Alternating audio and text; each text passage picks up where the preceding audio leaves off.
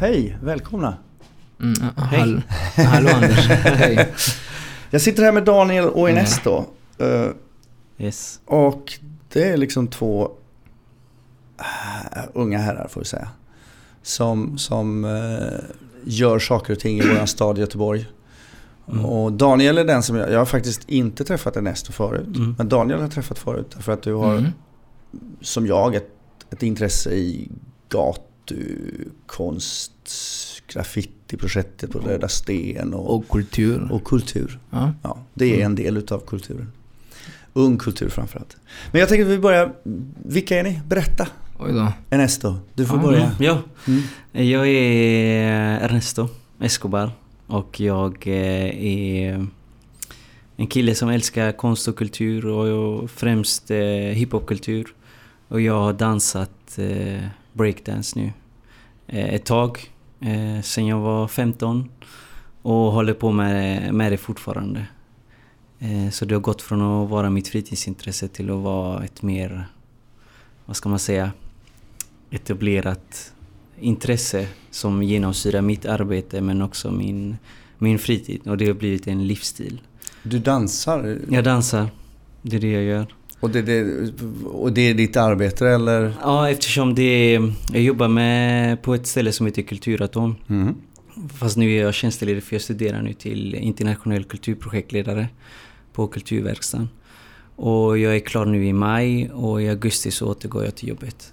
Och innan det så har jag jobbat med, på Kulturatom i åtta år. Eh, med, med ungdomar som ungdomshandledare, lite så handlat om i arrangemang, i kultur. Eller det de är intresserade av.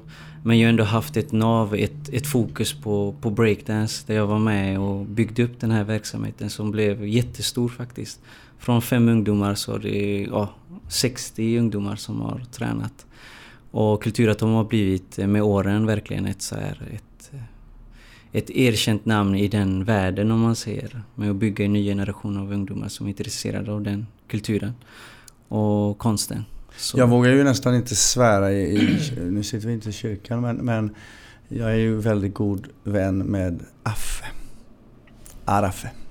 Aha. Och, och, eh, och skulle jag säga till henne så här, men, ja, men hiphop det är väl ingenting i Göteborg eller? Mm. Mm. Finns det en, en, en, alltså vad är hiphop i Göteborg? Alltså, hiphop i Göteborg är... Vad är hiphop för det första? Mm, Därför att vi har lyssnare som kanske tror att hiphop bara är musik. Men du säger breakdance, vad är Ja. det mer?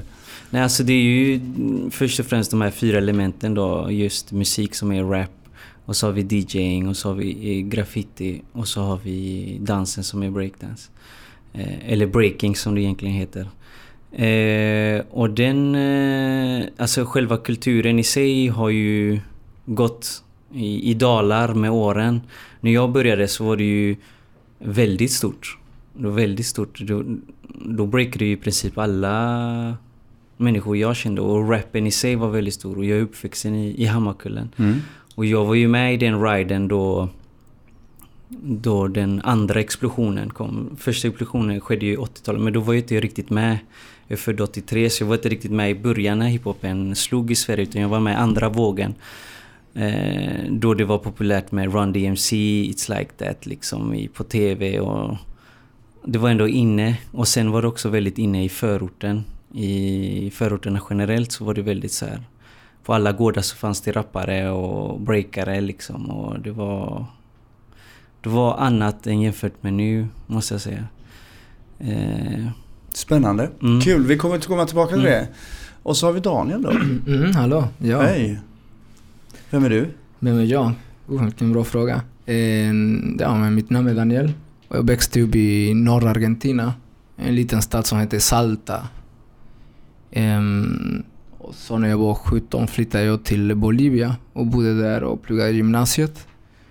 För att sen landa i Sverige när jag var som vuxen. Så jag flyttade till Sverige när jag skulle fylla 20 ungefär.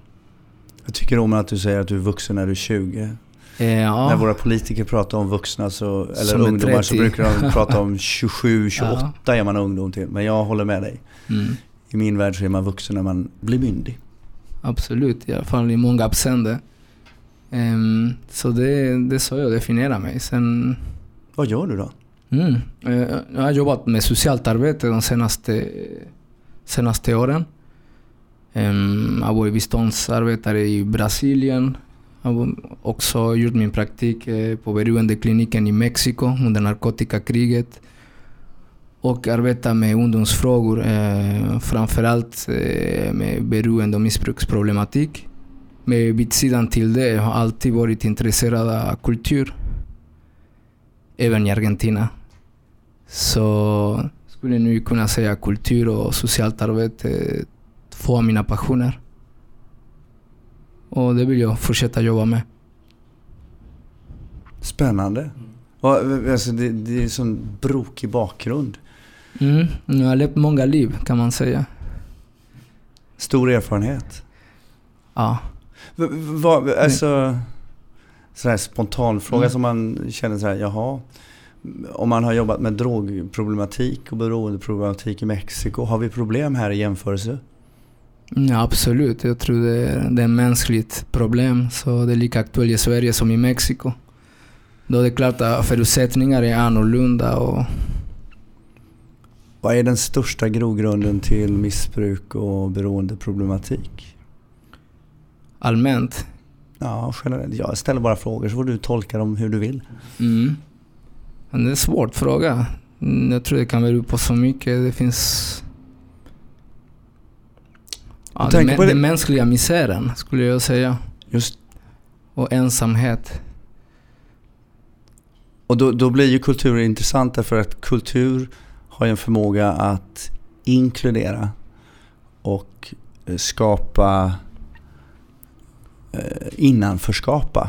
Vi, vi pratar ju Mm. mycket om att folk är i utanförskap. Mm. Och det gör man antingen på grund av att man har ekonomiska svårigheter eller man kanske inte har en ekonomi överhuvudtaget. Mm. Man har ingen utbildning, man har ingen passion, Mm. man har ingen sysselsättning. Men kulturen har en förmåga att innanförskapa. Absolut, jag tror kultur har den kraften men kulturen kan också användas för att exkludera och kan Mm. också vara en exkluderande forum för många. Så det, det beror på hur vi använder kulturen. Eh, I mitt fall ser jag kultur som ett verktyg för förändringsarbetet och jag vill se liksom att vi använder kulturen i högre utsträckning för att inkludera och skapa delaktighet i staden. Och osökt utan att vi ens hade planerat att hamna där. Så att Mm. då blir jag ju intresserad för då har vi pratat om staden och kulturen och hiphopen. Mm. Och då vet jag ju att ni har ett gemensamt projekt. Hur träffades ni för det första? Oj då. Ja, hur träffades vi? Alltså vi har aldrig, alltid vetat vilka vi... Ja, Vi existerade i alla fall. Ja. Ja, vi har ju haft gemensamma vänner. Eh, Det är så di- dina barndomskompisar. eh, Jag spelade musik i många Mm. år. eh, Även i Argentina har jag alltid spelat i olika band. Så när jag flyttade till Sverige så spelade jag en kort stund med Kapten Röd Mm. eh, i början och sen... eh, Ja, på något sätt så slutade jag och flyttade till Hammarkullen. Då. Det, det är det alla hamnar liksom, man flyttar till Sverige. Frivilligt eller ofrivilligt. Så, Ehm, och där träffade jag några andra latinamerikaner, eller, eller andra svenskar med, med, med, med, som har latin- latinamerikanska föräldrar och växte upp i, i Hammarkullen. Och började spela musik med dem. Vi spelade cumbia och vi hade ett band som hette Invasion Tropical. Så... Och det var mina barndomsvänner som spelade med Okej. honom. Och sen har vi andra gemensamma vänner inom hiphopen också som... Och sen har vi, våra föräldrar känner varandra.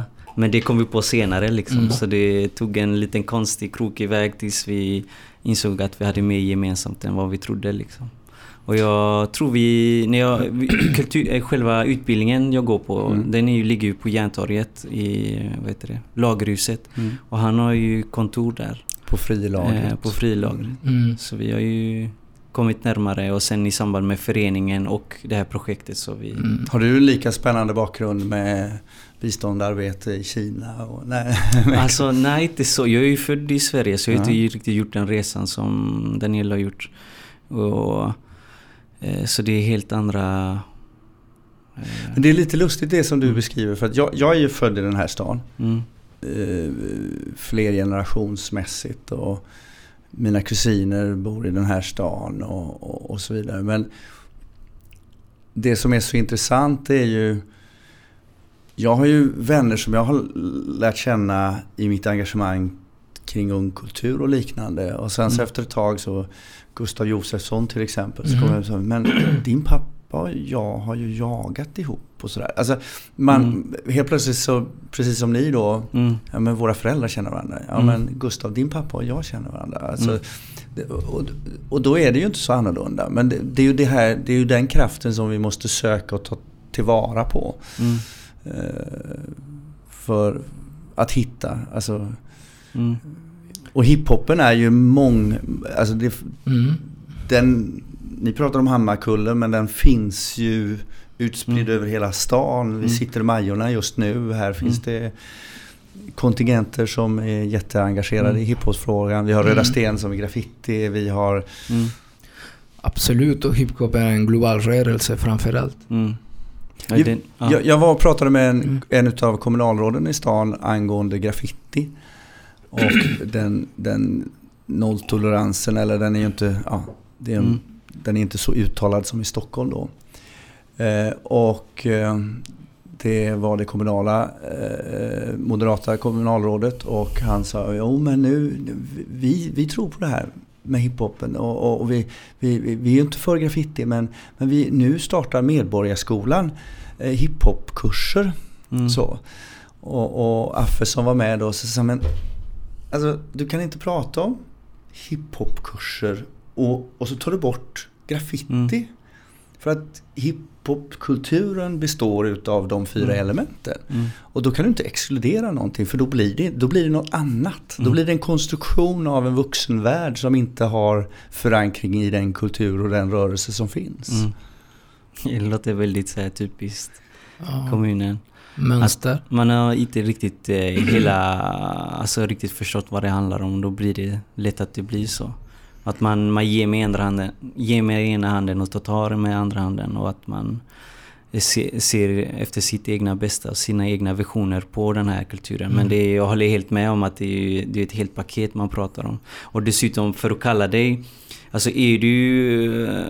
Ska du vara en bra rappare, ska du vara en duktig graffare, ska du vara en duktig breaker eller DJ så du kan inte kalla dig alltså en DJ om inte du har kunskap om de andra elementen. Sen kanske är det utopiskt om du kan alla elementen och du är verksam men eh, alltså du måste ändå ha kunskap om det andra. Så det är ju det, det, är det man ska eftersträva. Det är det jag säger till mina elever liksom att du måste ta del av hiphopkulturen innan du kallar dig för b-boy eller b-girl så måste du ha, ha reppat ditt namn. Så här. Alltså det finns ändå eh inofficiella regler eller så här, att förhålla sig till för att vara äkta som ändå är väldigt mycket det det handlar om. Att vara originell och vara be real liksom i, i den.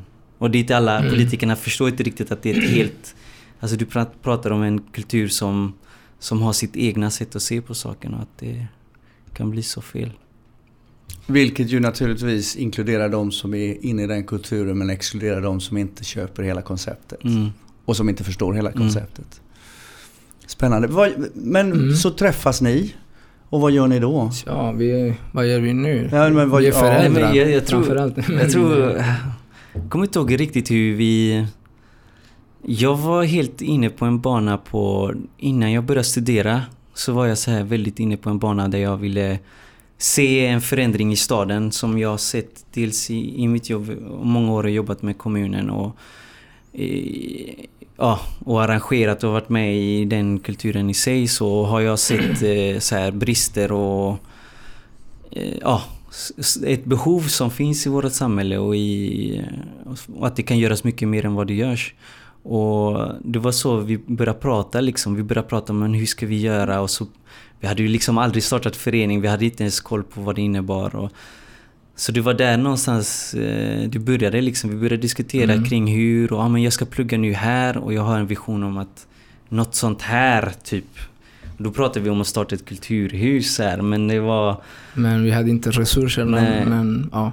Och jag hade redan försökt sedan tidigare liksom initiera andra, andra projekt med, gällande mm. förändringsarbetet och kommit ganska långt i, i formuleringen men hade inte lyckats definiera. Men jag hade träffat Ernesto tidigare, jag tror föräldraskap. Jag blev pappa när jag fyllde 25 och du Ernesto? Jag, jag kommer inte ihåg. Så, men jag tror det var föräldraskap som, som, närmade, Också, ja. som närmade oss till varandra. Du kommer inte ihåg när du blev Eh, pappa? Jo, alltså, min, min, fru, min, liksom. min fru får inte lyssna nu. Katt, katt. Ja, det är skitjobbigt. Alltså, ibland så... Det var någon gång jag var skulle beställa medicin. Det var någonting... Ja, så behövde de födelsedatum på... ja. Personnummer på min, på min son då. Och jag klarade ju de första siffrorna som är de fyra sista. Satt jag där och skämdes verkligen. Jag bara... Eh, jag får komma tillbaks typ. Ringer frugan fort och... Ja, jag är hemsk på det där alltså. Det är... Ja, men, mm. men han är fantastisk pappa. Ja, ja, ja, ja. Absolut. Jag tror, jag tror inte Dålig att på det, detaljer. men är jag tror inte föräldra, föräldraskapet ligger inte primärt i att kunna de fyra sista siffrorna. Nej. Nej. Exakt. Bra, det får du säga Det, till det är min sambo. kär, kärlek som Mm. är fokus. Men- Okej, så ni träffas Ja. och ni har idéer om att ni vill göra saker. Eh, Daniel, du har funderat på att göra kulturhus och du har tankar på kulturhus. Mm. Och så har ni hiphopen och musiken gemensamt. Ja, absolut. E- Egentligen jag vill arbeta med, med, med representationsfråga. Eh, Utveckla. Det är så när jag flyttade till Sverige, som jag berättade, jag kom som vuxen och som en total främmande och eh, jag har flyttat till ett annat land eh, i en annan kontinent med ett annat språk och framförallt ett land som är Sverige som har vissa kulturella sociala mönster som särskiljer sig kanske från andra europeiska länder är att börja inte från noll, det är som att börja från minus tio. En, och i en stad som Göteborg som, som är, den är sluten stad. Det är många som kan intyga om det. Um, så det, det, det, tog väldigt, det tog mycket tid och energi men på något sätt jag började, ja, jag, fick, jag- jag pluggade på universitet och började med min, min, min karriär liksom inom socialt arbetet och efter några år liksom, jag lade märke, liksom, jag förflyttade mig, jag befann mig i olika rum där det fanns endast det fanns personer som inte liknade mig. Um, det fanns inte folk som hade samma hudfärg som jag. Eh, det fanns inte folk som, som hade andra dialekter. Jag bryter på spanska, det säger alla. Och det är jag medveten om. Visst, det fanns folk som, som, som pratade liksom, i andra dialekter som är skånska eller de som kommer från Gotland kanske. Men det fanns inga andra som, som hade en spansk brytning. Det fanns inga araber. Det, det var, liksom, jag befann, befann mig i väldigt vita rum om man kan säga så. Och, eh, och då började jag fundera varför det är så. Liksom. Varför ser det ut så i staden? För att um, det är inte kongruent. Det stämmer inte överens med min uppfattning av Göteborg. En, och den stadsmiljön som jag bemöter dagligen när jag åker spårvagn, när jag kommer hem. Men när jag befinner mig på min arbetsplats, i, när jag befinner mig i olika kulturinstitutioner, så det är en helt annan Göteborg. Och eh, det var just den funderingen som fick mig att tänka, men nu, nu får det räcka, nu får jag också göra något. Um, så jag, jag hade liksom den tanken, uh, ah, på något sätt ville jag medföra min kritik till det här representationsproblem som har många konsekvenser. Eh, och som drabbar väldigt många människor liksom i, i vardagslivet. Att inte få komma in, att inte representeras, att inte ha tolkningsföreträde, att inte känna sig igen i den bilden som, som media förmedlar och som de som beslutar över kultur och skapar kultur förmedlar. Ehm, Det är ju ett av de stora drivkrafterna till att göra den här podcasten. För jag är så trött på alla människor som representerar andra. Man säger så här, jo, men man uttalar sig om andra, men de där andra kommer sällan eller aldrig till tals. Och, och då blir det väldigt då blir det väldigt lätt förutfattade meningar. Det blir lätt intolerans baserad på okunnighet. Och vi skapar inte de här mötena. Eh, och och eh, man, kan inte, man kan inte säga inkludering utan att leva inkludering. mm, Och då, och då får man verkligen leva det i alla avseenden. Eh, oavsett om det handlar om, jag kommer ihåg någon gång för, för det har jag säkert berättat förut i någon podcast att jag var och hade ett föreläsning ute i Biskopsgården för eh, personer som ville starta företag. Och, eh, och det kom ungefär 60 personer. Och eh, stadsdelen bjöd på fika och fralla. Mm. Det typiska göteborgska uttrycket fralla. Och så när jag såg de här frallorna så sa jag så men ursäkta mig.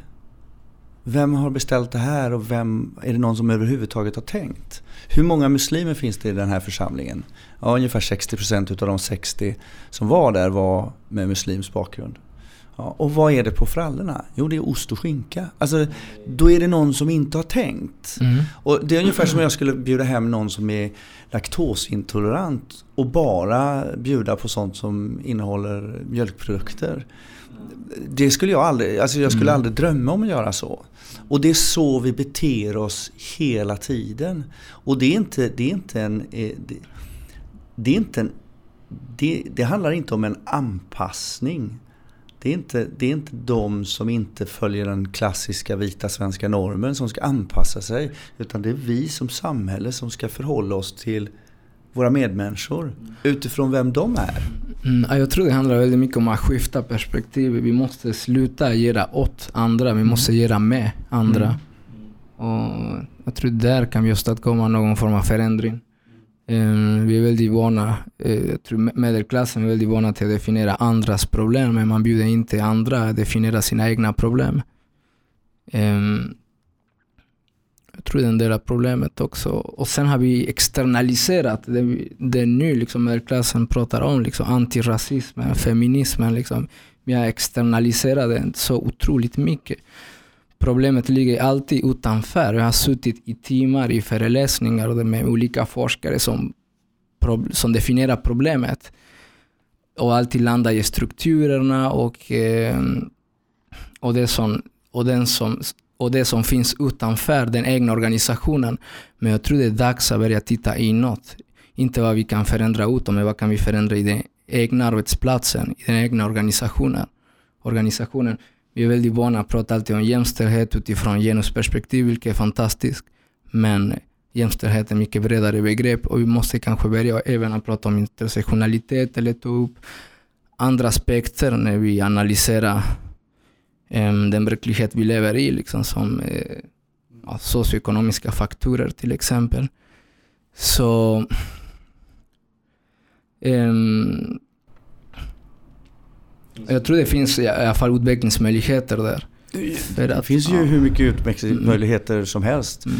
Alltså när, när, man, när man har när man har, eh, jag har stor respekt för Robert Hanna till exempel, men när han skriver en debattartikel och säger att det finns vit rasism och när han tar, ska motivera varför den vita rasismen existerar så säger han det att det går, det går tjejer på, på skolor som, som tvingas acceptera att de blir klappade i rumpan. Ja, men det är inte mm, rasism. Sexism Det är sexism.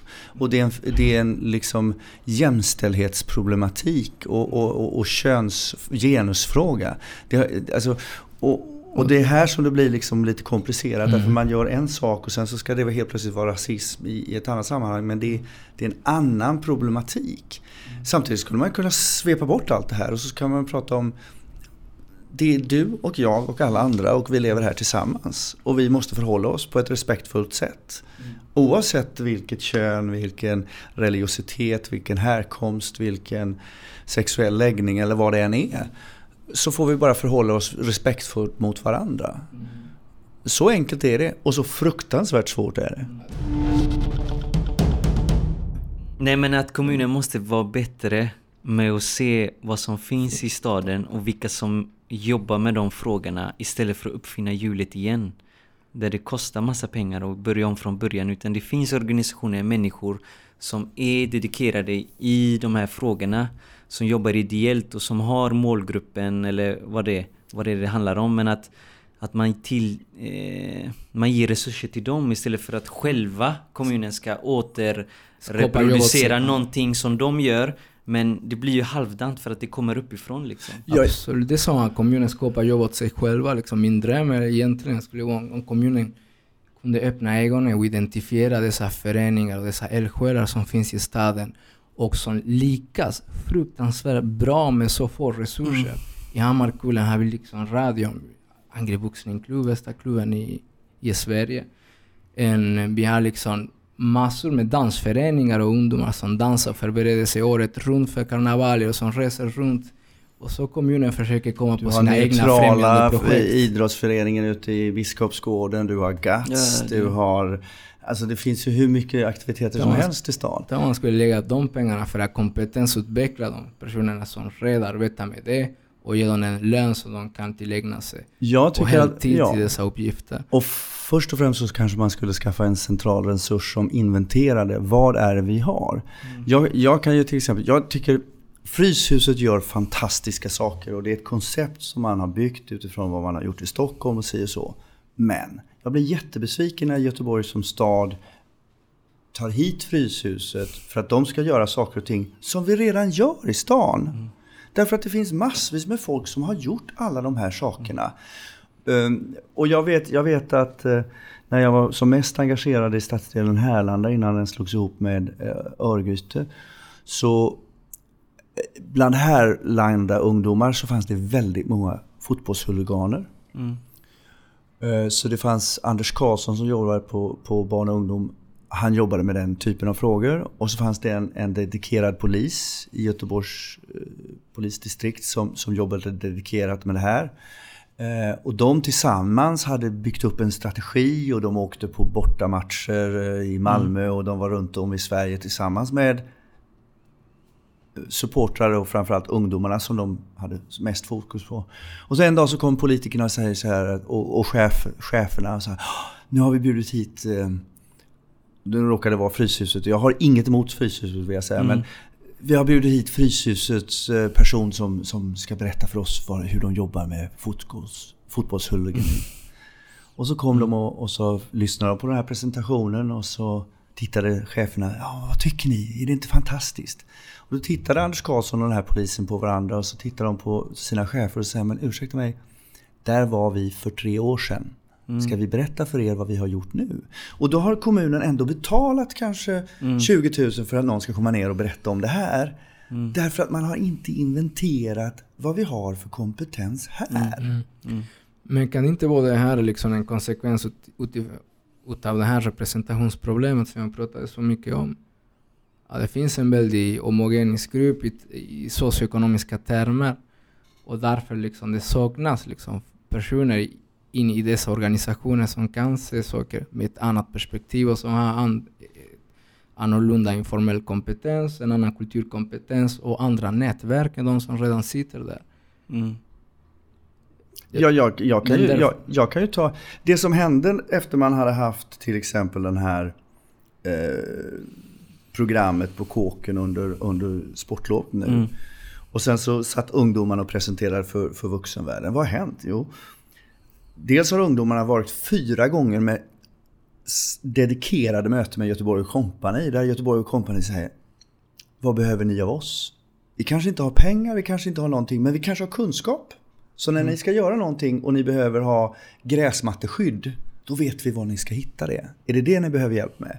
Ehm, och kulturkalaset, hur, hur kopplar man ihop? Så att man, det är inte alltid pengarna är det viktiga. Utan, utan hur löser jag det här problemet? Vem ska jag prata med på kommunen? Vem ska jag prata med på Energiverket för att vi ska koppla upp? Och om vi nu ska sätta upp en scen och göra en, en aktivitet här så måste vi ha ström. Vem pratar jag? Vem hittar jag som har den nyckeln? Hur gör jag den kompetensen? Och så vidare. Alltså den dynamiken att hitta och att göra. Mm. Och att lyssna på de som gör. Mm. Absolut. Absolut. Men- staden Erdin handlar väldigt mycket om det också. Ja. Och där kom den. Det, var det, det är därför de är här. De ska prata om staden är din. Din. Vad är staden är din? Wow.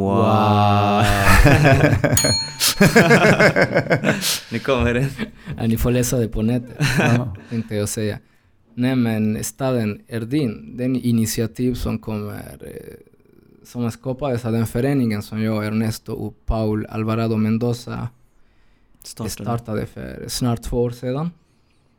Eh, Förutom staden Erdin med, med den här föreningen så har vi arrangerat eh, två stora internationella danstävlingar för välgörenhet. En som kallas eh, Reach Break Edition som ägde rum på Frilagret året 2012 och hade en publik på 600 personer. Um, och sen eh, året 2013 så arrangerade vi Nordic Mashdown som var liksom hiphop freestyle battle. Eh, och det lockade ungefär 500 besökare. Uh, till dessa två evenemang hade vi liksom internationella gäster från Finland, Marocko, Estland, eh, Danmark, Norge, Italien, Portugal. Och vi hade dansare som kom från Uppsala, Stockholm, eh, Malmö, Växjö mm. bland, bland andra städer. Och volontärer från olika stadsdelar. Um, det som var viktigt med det här evenemanget är liksom, uh, visst dansen var i fokus men det handlade väldigt mycket också om att skapa ett möte över gränserna. Och det är därför vi bjöd de här internationella gäster. Och, och pengarna som vi samlade under evenemanget gick för välgörenhet. Pengarna var inte i fokus med själva handlingen. Liksom, att få ungdomarna liksom, att bli stolta, engagera sig i andra frågor. Liksom, exponera dem till humanitära arbetet, i solidaritetsfrågor, att komma i kontakt med dansen, med andra förebilder och eh, att kunna hitta någonting som var gemensamt, eh, någonting gemensamt som alla kunde identifiera sig med som, som solidaritet. Och jag tror vi lyckades ganska bra.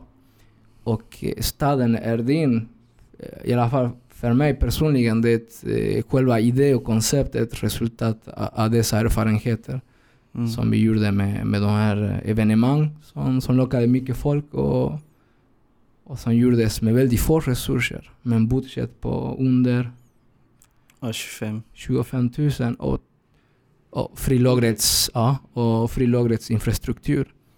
Mm. Så på tal här om festivaler som du pratade, mm. liksom vad mycket man kan göra med lite pengar om det Rätt människor som gör det. ja, och, och det är liksom genuint engagemang också. Fast det som är så uh. tråkigt är att man förstår ju inte, det är ju inte bara om du säger de 25 000, mm.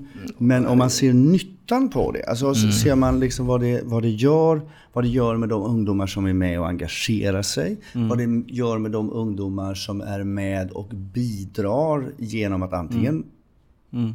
aktivt bidra och dansa eller faktiskt göra eh, aktiviteter i solidaritetstecken eller vad det än kan vara. Och det är ju samma sak eh, vad du än gör. Mm. Och det är det som är oftast kruxet med när man jobbar med kultur och konst att det inte riktigt går att definiera i siffror och... Eh... Fast det gör det. Fast vi mäter inte på det sättet och det blir inte alltid siffror Nej. på det sättet som vi gör. Det fanns... Jag var med i någonting som ett nätverk och jag vet inte varför jag då som affärsjurist blev inbjuden men det är för att jag är lite knäpp då. Men, men det var kulturfolk från hela Västra Götaland som startade någonting som heter Dissektion kulturkompetens.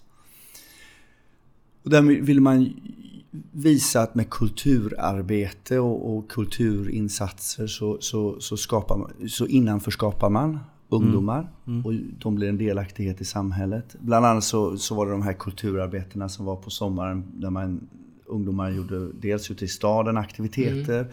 och, och, någon grupp med, med konstepidemin var, gjorde leksaker och dräkter till barnen på eh, Drottning Silvias barnsjukhus. Så att de hade mm. kul saker att göra när de ligger inlagda under lång tid. Och jag vet eh, ja, olika delar i Västra Götaland, olika kommuner var engagerade. Och då, I Marks kommun så hade man pratat med arbetsgivarna.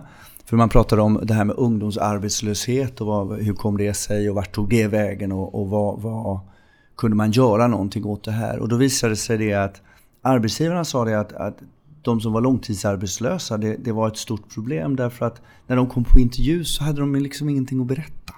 Mm. Mm -hmm. Alltså, ja, vad, jag söker jobb, vad gör du då? Ah, jag gör inte så mycket, jag spelar spel eller, eller jag så. De hade liksom ingenting att berätta. Mm. Och då suckade alla och sa ja det var ju tråkigt att då, ungdomar är asociala. Eller de hade ingenting att prata med den arbetsgivaren som tillhör en annan generation. Och så var det en annan kommun och jag kommer inte ihåg om det var Töreboda eller vilken mm. kommun det var. De hade startat ett projekt där de hade tagit de, de som hade varit långtidsarbetslösa ungdomar och då räknar man upp till 27 år tror jag. Mm. Det vill säga de hade varit arbetslösa eller inte sko i skola eller arbete under tre år. Mm. Och det var 167 eller något sånt där. Och de hade fått gå runt i kommunen, identifiera gamla kulturbyggnader, gamla historiska platser, sedvärdigheter, en gammal kvarn som hade legat där, en gammal väg som hade varit sedan vikingatiden. Okay. Och så fick de röja och så fick de skriva plakat och göra liksom berätta bygdens historia mer eller mindre. Och då visade det sig det att 79,32% av de här fick jobb efter den här aktiviteten. Och de hade varit, och den pågick i tre till sex månader beroende på hur lång tid. Mm. De fick jobb. Och, och utav resten så var det ytterligare kanske då 18% eller något sånt där som hade 18-20% som hade valt att fått praktikplats eller något liknande. De andra hade faktiskt fått riktiga jobb. Mm. Och, och sen den sista, sista delen, de hade valt att läsa vidare. Och det var liksom mm. nästan, ingen som, nästan ingen procentenhet som var kvar i någon slags långtidsarbetslöshet. Mm. Och så lämnade man det och, så, och jag liksom, äh, har ni gjort en utredning varför? Mm. Och det var ju ja, det var kanske de som jobbade med det här som var duktiga, ledarna då. Eller, eh, nej, så jag, jag tror att jag vet vad, vad det handlar om. De hade helt plötsligt någonting att berätta.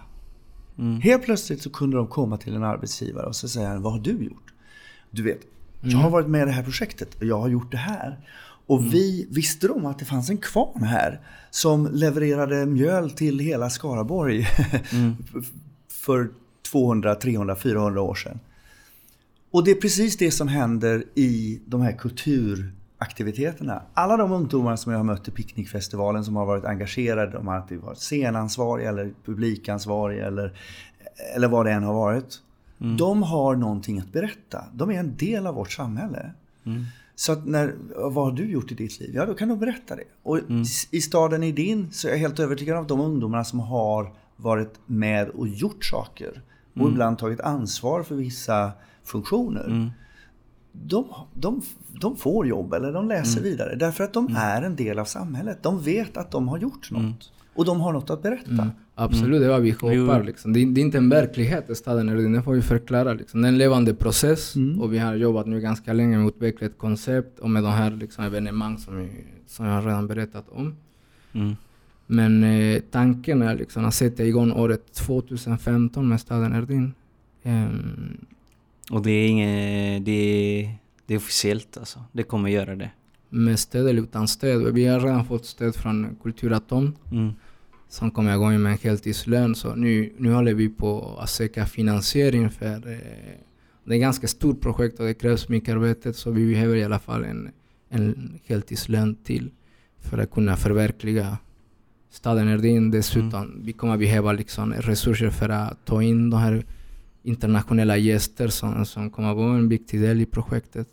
Och, eh, om jag förstår men, saken så är tanken att ni ska ambulera i stan absolut, också? Vi, vi kan, du kan berätta mer ja. om staden Erdin, hur eh, vi tänker genomföra projektet. Då.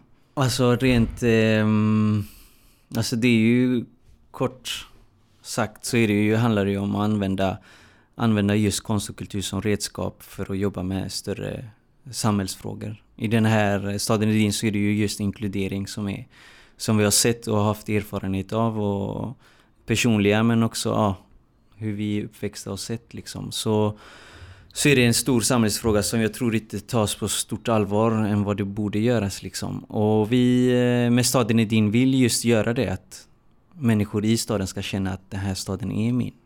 Och att vi tillsammans skapar den här staden. Och just den känslan kan inte...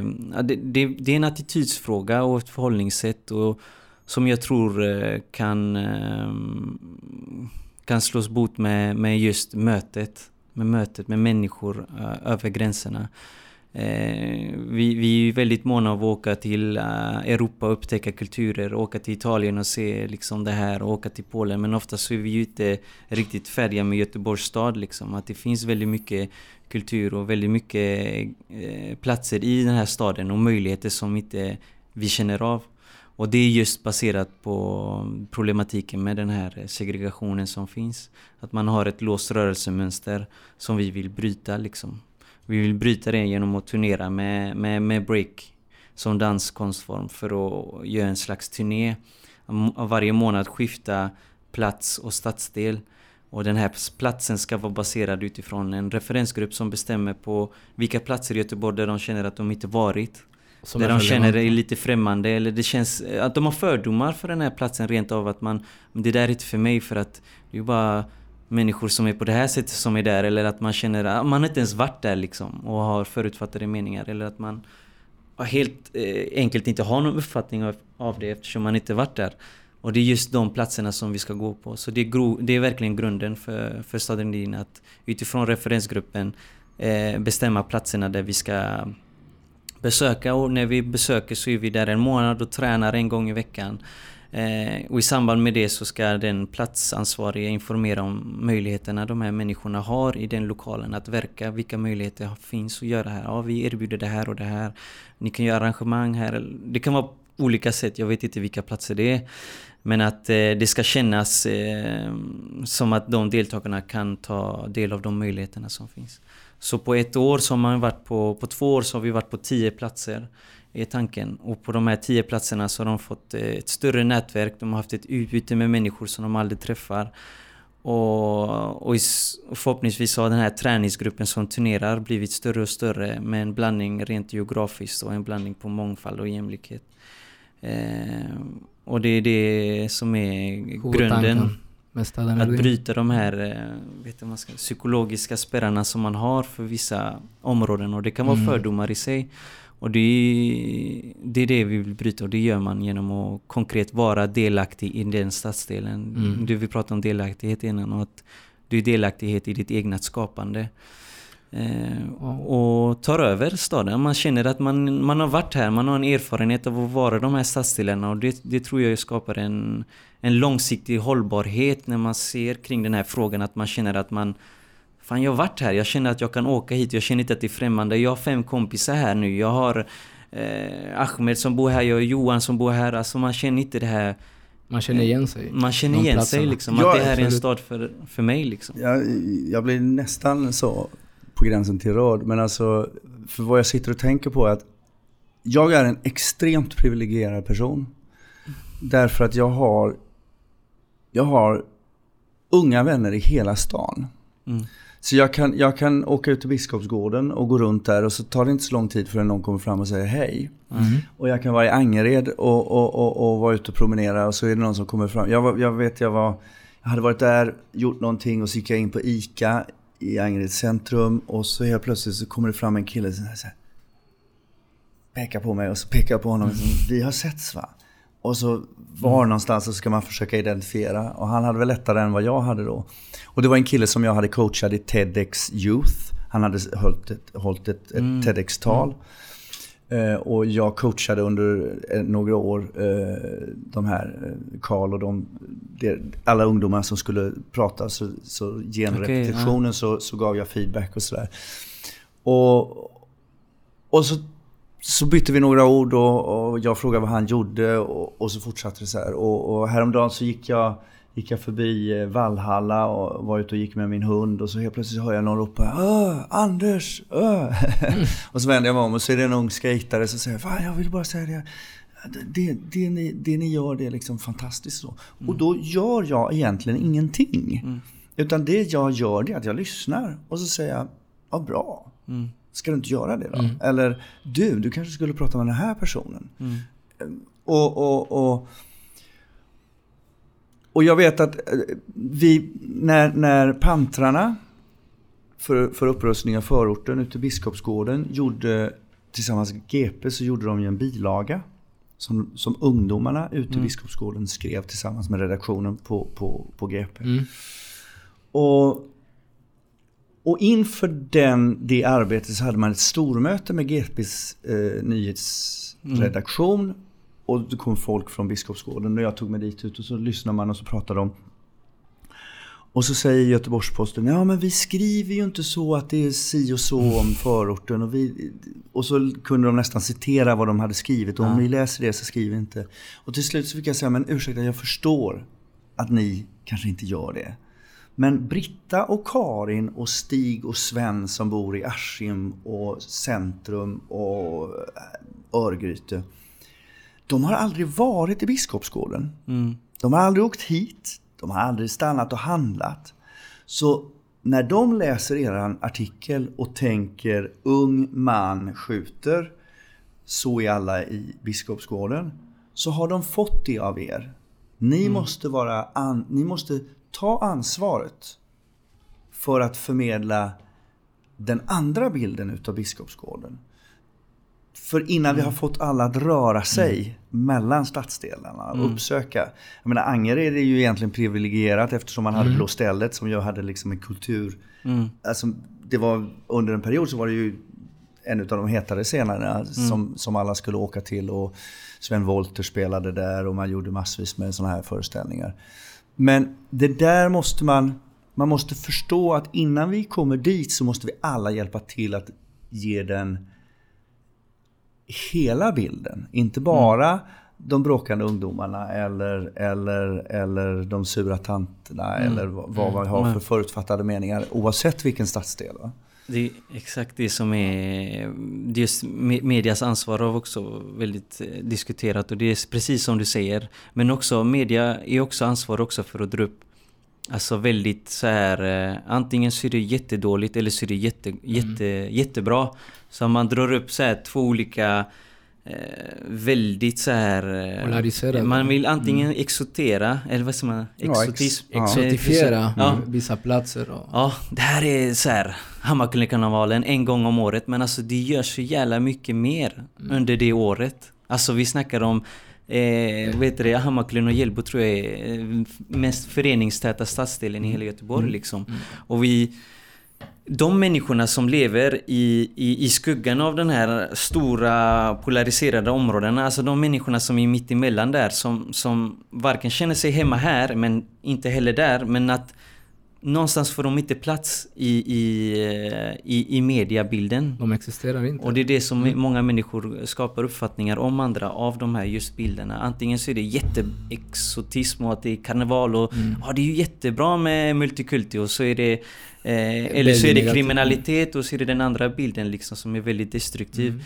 Men alltså vi snackar om massa människor emellan där som, som, som kämpar varje dag med, med den här bilden och den här stämpeln man får resten av sitt liv förrän man har flyttat därifrån. Och Och det är, det är den stigmatiseringen som vi vill arbeta mot. Och eh, om vi pratar just om media, även när de pratar liksom positivt om förorten, det är alltid i relation till de negativa egenskaperna. Som en kontrast.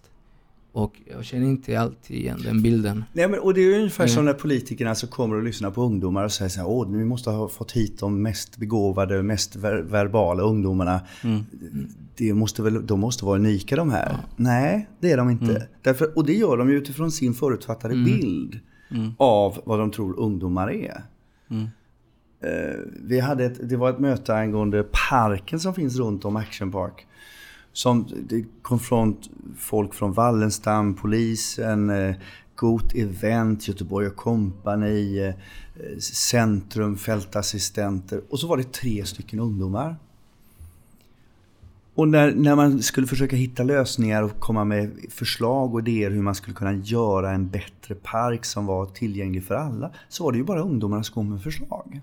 mm, och sen när man gick därifrån, Irene och jag var där, och när vi gick därifrån så, så efteråt så pratade vi med varandra och då hade vi hört, då hade folk approcherat oss eftersom vi kände ungdomarna. Och så sa det, åh det är ju fantastiskt. Det är, det är kul att det finns några i alla fall som, som, som så är. Och då, men nej! Alla är så här.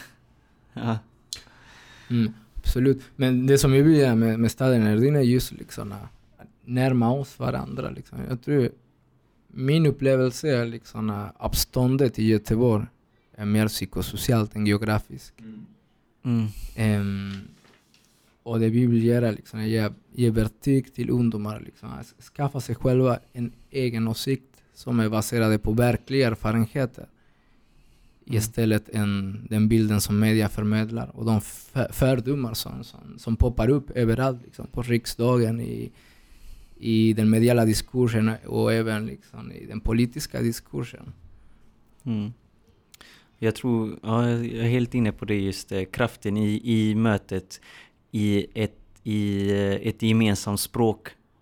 Det tror jag är kraften och det, det är kreativ, kreativiteten som är bandet däremellan som knyter oss. Och där är konst eller idrott en väldigt starka verktyg mm. som, som borde användas mer. Liksom. Och det är där vi ska göra med staden Edin och använda mm. konstformer för att binda oss, för att hitta mm. gemensamma mötesplatser, hitta anledningar till att träffas. Det ska inte vara ansträngt och därför är konsten just bra mm. i det här eh, sammanhanget. Och ambitionen är även att arbeta modellskapande. Vi vill vara en kostnadseffektiv alternativ. Mm. Så delvis när vi använder fastigheter som tillhör olika institutioner, kulturinstitutioner, det kan vara universitetet, det kan vara en fritidsgård, det kan vara ett kulturhus eller något annat. Eh, vi, delvis liksom, vi får möjlighet att vara i deras hus och spara på dessa kostnader. Och de får möjlighet att, att, att träffa, liksom, eller att nå en målgrupp som de annars skulle inte uppnå. Mm. Så det blir någon form av ömsesidigt eh, nyttjande, kan man säga så på svenska? Eller utbyte. Mm. Um, så... Det blir, det blir en hållbar, ett, ett hållbart projekt och jag tycker vi generellt i, i staden kan jobba mer mobiliserat, att man rör på sig mer. Jag tycker att väldigt många kommunala verksamheter är väldigt fasta i strukturer, i restriktiva regler. Att vi ska jobba med bara den här målgruppen och det är bara de här pengarna ska avses för den här målgruppen, åldersgräns och stadsdelsbaserat. Men att man inte ser det är just det som gör också att mm, de eh, invånarna som är där, att du håller dem där. Du mm. stärker mm. strukturerna att eh, det finns ingen anledning för dig att röra på dig. Vilket är bra. Det är skönt att ha en kulturhus nära mig. Det är absolut jag, jätteskönt för mig. Jag ska inte behöva om jag vill jogga ska inte jag behöva åka en timme för att jogga utan finns det något bra ställe nära mig. Alltså det, jag säger inte att det är dåligt, det är viktigt. Men det jag tycker det i de här frågorna så är det ännu viktigare att just jobba mer med rörligheten. När, när vi lever i en stad som vi gör nu så är det det här om man ska jobba med attitydsförändring och en... Det är eh, prioritet närmaste. exakt. Annars liksom vi bestärker liksom det här avståndet, psykosociala avståndet som redan finns och vi får alla liksom får liksom en, en, en begränsad upplevelse i staden. Och jag tror liksom problemet just nu är att vi lever alla i Göteborg, men vi har liksom väldigt olika upplevelser i staden. Och eh, Göteborg är en stad med det, fantastiska förutsättningar. Ja, det, det, finns ju hur mycket som helst ja. att göra i den här staden. Det är mm. fler mm. aktiviteter hela tiden. Men man måste, man måste dels vara nyfiken och ibland så måste man vara eh, lägga lite tid och energi för att hitta dem. Men, men de finns och så måste man vara beredd att, att och, röra på sig. Och man måste känna sig välkommen. Jag tror också när det gäller just ungdomar, man rör sig i dessa miljöer där man kan identifiera sig med de som finns på platsen. Eller man kan känna igen sig, känna sig trygg. Och den tröskeln, det är inte så lätt att Nej, komma men över. den tröskeln ja. finns ju, den finns ju hos, hos mamman i förorten. Mm. Som, som oavsett om hon bor i, i förorten Askim eller om hon bor i förorten Biskopsgården mm. eller Hammarkullen. Så Vissa mammor har rörelsemönstret, de är i sitt område och sen så åker de spårvagnen in till Nordstan och någon annanstans är de inte. Askims eh, förortsmamman, hon åker till Frölunda torg eller så åker hon till Sisjön. Men hon tar sig sällan, eller Nordstan aldrig kanske. Och framförallt åker hon inte till Biskopsgården och handlar. Eh, Eh, och, och, det blir, eller, eller, alltså den här rörligheten måste skapas. Jag har ju någon sån här vision att, mm. för det första, det pratas 150 språk i Göteborg. Dagligen pratas det 150 språk. När ska vi se det som en möjlighet? Mm. Vi har alla världens matkulturer i Göteborg. Det finns möjlighet att köpa livsmedel till att laga alla världens mat, mat, maträtter. Men de finns lite utspridda när, när, när, när kommer eh, handlarna i Hammarkullen och Ars, äh, Angered och äh, oavsett var och gör liksom, ja, ska du äta Ska du äta östturkisk mat eller kurdiskt inspirerad mat eller nordafrikansk mat eller sydamerikansk mat eller central... Alltså så. Så här är receptet, här är butikerna, åkt med spårvagnen. Så. Ja absolut, det, det är en aspekt av mångfald men jag tror det finns, eh, ja, vi vet att det finns flera aspekter. Jag tror organisationer också behöver präglas av den mångfalden. Och jag pratar inte om att kvota in liksom, men jag pratar om att liksom, höja kompetensen på de egna organisationerna. Jag tror det finns väldigt lite att förlora på en ökad mångfald. Och jag tror liksom när vi börjar prata mångfald i de egna organisationerna så börjar vi närma oss också även till fördelningspolitik för att vi kommer inspirera och ge möjlighet till grupper som kanske inte hade ett, ett, en, ett kontakt med, med de, de här slutna nätverk som finns i Göteborg. Och vi måste öppna, vi måste öppna staden för andra. Vi måste börja in, inkludera. Um, jag gjorde ju, jag gjorde ju eh, en, en podcast med Hamoudi eh, som, som är filmare och så kom hit som ensamkommande flyktingbarn från Danmark. Därför att han insåg att han, skulle han skickas tillbaka till sin pappa i Danmark som han inte ville eftersom han var utsatt där. Så, så han sa istället att han var från Irak, vilket han är från Iran, vilket han är från början. Men, och han hade, han hade också en sån här eh, sak att jag har liksom tagit mig till Sverige som ett fritt land Eh, men inte... Skälet till att jag tagit mig hit är ju att jag inte har fått vara den jag är på de andra platserna jag har passerat. Nu har jag, får jag vara här och jag vill faktiskt bli respekterad för att vara den jag är. Men jag kommer inte påtvinga någon annan den jag är. Lika lite så vill jag bli påtvingad. Och det handlar ju om den här respekten att våga se varandra. Se mig för vem du är. Se mig för den jag är, inte den du vill att jag ska vara. Mm. Och, och det möter ju, mm. Alltså, oavsett alla de här fördomarna, det är, ju, det är ju att se dig för någon du inte mm. är. Utan den jag tror att du är. Mm. Exakt. Absolut. Men jag, jag tror också att det eh, Sen är det inte så att eh, man kan ha verkliga händelser som inte är positiva. Av orter, av människor. Alltså det är inte så att vi ska eh, säga att vissa områden eller vissa människor, men det är fortfarande, jag tror man måste se på individnivå ibland att det inte är att om det är en enskild händelse, det är den enskilda händelsen liksom.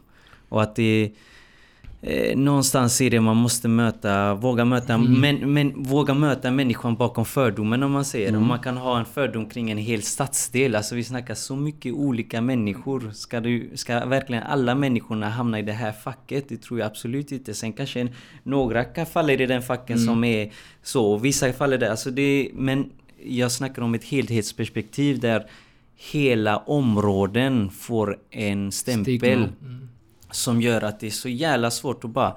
Man startar ändå alltid i underläge liksom.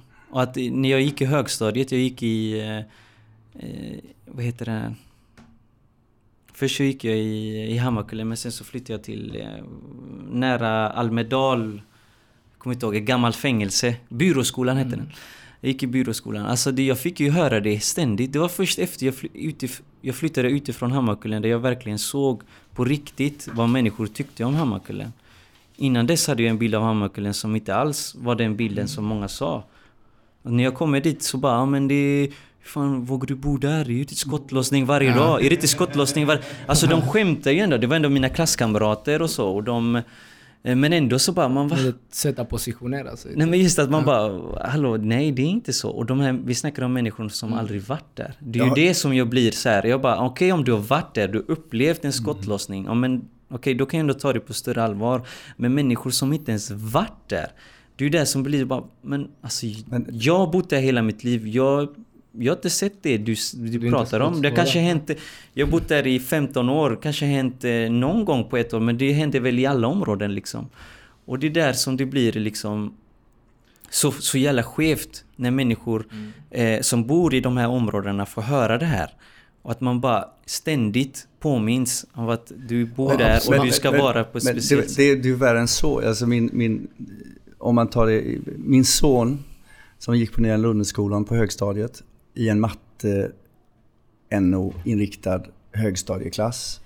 Och han hade åtta muslimska klasskamrater, tre katoliker och några sekulariserade centraleuropeer som jag brukar säga. Och så var de några stycken med mång, månggenerations svensk bakgrund.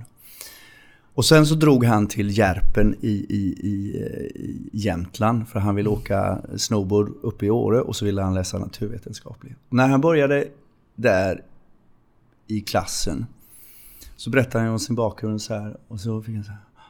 Men var du inte rädd när du gick till skolan? Vad menar du? Ja men var du inte rädd? Vad då? Ja men du hade ju åtta muslimer i din klass. Alltså, därför att alltså uppe i Järpen så var liksom inte det en del utav vardagen. Va? Och, Mm. och jag, jag, tyvärr så tappade jag bort min telefon så jag har inte kvar de sms. Men han skickade sms som var liksom fullständigt...